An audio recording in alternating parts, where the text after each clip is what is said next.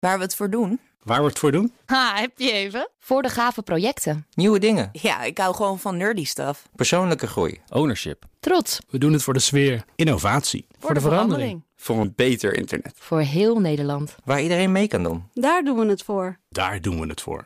Waar doe jij het voor? Kom werken voor KPN en groei op jouw manier. Check de actuele vacatures op het gebied van data, security, development en networking op jobs.kpn.com/tech. Wetenschap vandaag. We zijn eh, bij de wetenschap aangekomen. Want Kees, dat vraag jij natuurlijk ook al heel lang af. Waarom zijn mannetjesmuizen bang voor bananen? nou, op die vraag hebben onderzoekers een antwoord ge- gevonden. En wetenschapsredacteur Carlijn Meiners is er bij ons. Ik ben heel benieuwd hoe ze dit op, op dit onderzoek zijn gekomen, Carlijn. Ja, dat snap ik. We duiken vandaag in de wereld van de chemische communicatie. Eh, veel dieren, ook wij zelf, communiceren uh, veelal onopgemerkt door geurstofjes te versturen, moleculen. Er kunnen allerlei boodschappen in zitten. Uh, kom dichterbij of blijf juist zo ver mogelijk weg. Dit is van mij of help, er is iets heel erg mis. Echt van alles. Nou is er bij muizen al aardig wat onderzoek gedaan naar de signalen die mannetjes naar vrouwtjes sturen en vrouwtjes naar vrouwtjes, maar nog niet zoveel naar de geursignalen van vrouwtjes naar mannetjesmuizen.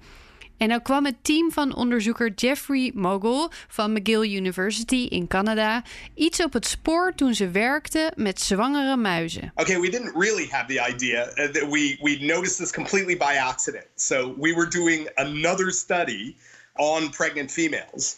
Um, and we saw my graduate students saw that the males were behaving strangely when they were in the same room with the pregnant females that were going to be used for something else. So she reported it to me. I'm like, that's interesting. Look into it. And and so we, you know we found this completely by accident. Ze zagen dus gek gedrag. Gestrest gedrag bij mannetjes die in de buurt kwamen van hoogzwangere vrouwtjes en vrouwtjes die net bevallen waren. En ze zagen het zelfs wanneer de mannetjes alleen maar in de buurt kwamen van hun geur in een hok. Ja, dat is heel opmerkelijk. En het vermoeden was dus dat dat ook iets met die geurstoffen te maken heeft. Ja.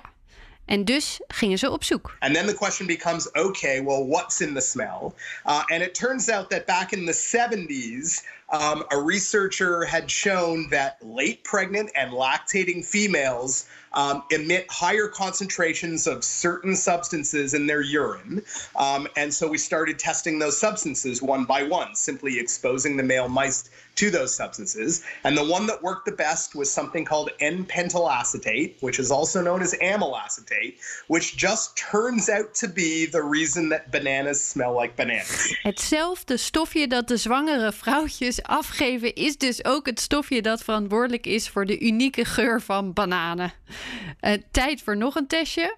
Ze haalden wat bananenolie uit de supermarkt en keken of dat hetzelfde effect had. En inderdaad, de mannetjes raakten even gestrest van bananen als van zwangere vrouwen. Ja, en waarom, waarom produceren vrouwtjes dan in dat stadium, als ze hoogzwanger zijn of net bevallen, precies dit stofje? Het vermoeden is dat de vrouwtjes hiermee mannetjes op afstand proberen te houden die een gevaar zouden kunnen vormen voor hun jongen. En naast dat dit ons iets leert over dierengedrag en chemische communicatie, heeft het onderzoek nog andere implicaties.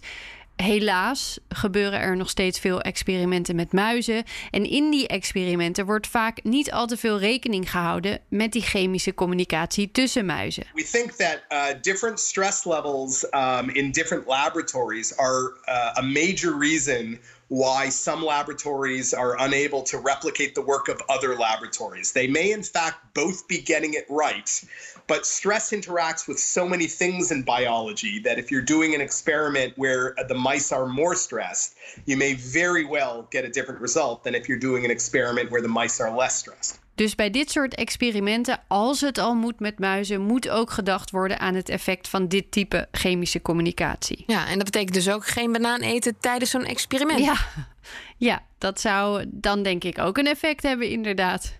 Uh, nou is er uh, recent nog een studie gedaan naar chemische communicatie onder dieren. Onder water gebeurt 80% van de communicatie op deze manier. En wat blijkt, klimaatverandering eh, heeft effect op hoe goed die communicatie verloopt. Ah, en waar komt dat dan precies voor? Ze bestudeerden dieren die leven in het water en keken naar de effecten van temperatuur, pH-waarde en hoeveelheid CO2. En ze zagen dat veranderingen in deze waarden invloed hebben op alle onderdelen van de chemische communicatie tussen dieren, vertelt onderzoeker Christina Rogatz van de University of Hull. We understand that temperature, CO2, both increasing with climate change, and pH decreasing with climate change, impact every single step of this very important chemical communication process. From the production of the chemical to the release of the chemical, how the chemical is then transported and how long it lives in the water, to then it being received by the organism that needs the information, processed and understood by the organism, and then if there is a response, a physiological or behavioral response. En al die veranderingen in die processen, al die manieren waarop die communicatie in de war wordt geschopt, hebben weer impact op dingen als het vinden van eten, het bepalen van een gezond leefgebied, het vinden van een partner, uh, zorgen voor de eitjes, alert zijn op vijanden.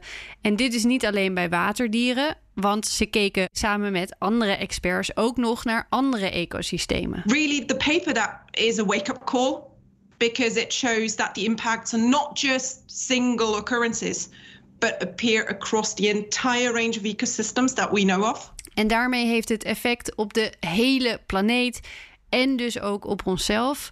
Wat het in ieder geval laat zien, dit, maar ook die muizenstudie, is dat er veel meer onder onze neus gebeurt dan we doorhebben.